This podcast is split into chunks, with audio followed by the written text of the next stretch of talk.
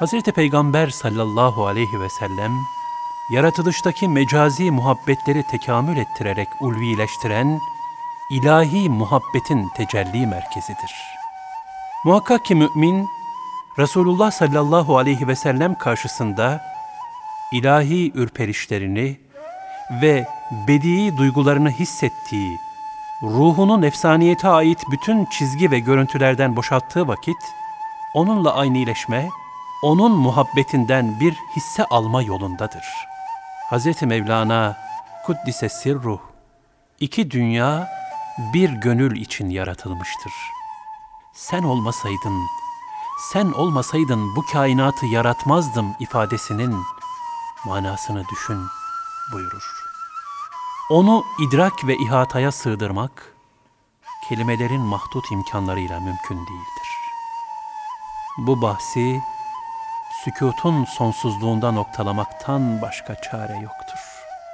Onu tasvirde lisanlar kat be kat acizken, bizim lisanımızdaki ifadesi de, okyanustan terzi yüksü istiabınca bir kırıntı kabilindendir. Ya Rab, bizi mahşerde bu ikrar ile haşret. Onun yadıyla dolsun günler ve geceler. Konsun yine pervazlara güvercinler. Hu hulara karışsın aminler.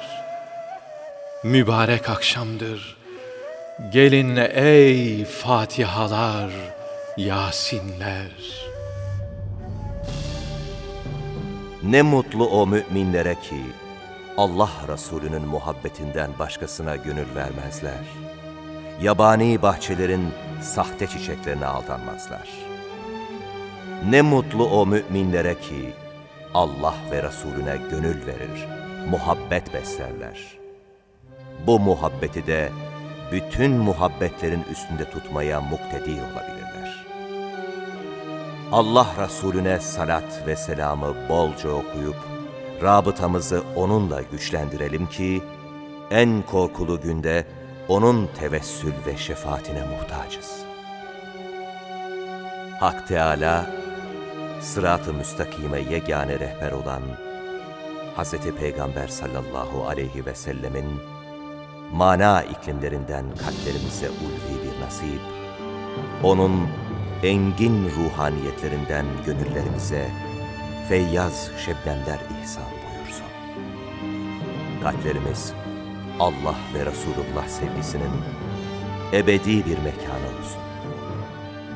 Cenab-ı Hak cümlemizi onun şefaati uzmasına nail eylesin. Amin. Dahilek ya Resulallah. Meded ya Resulallah. Şefaat ya Resulallah.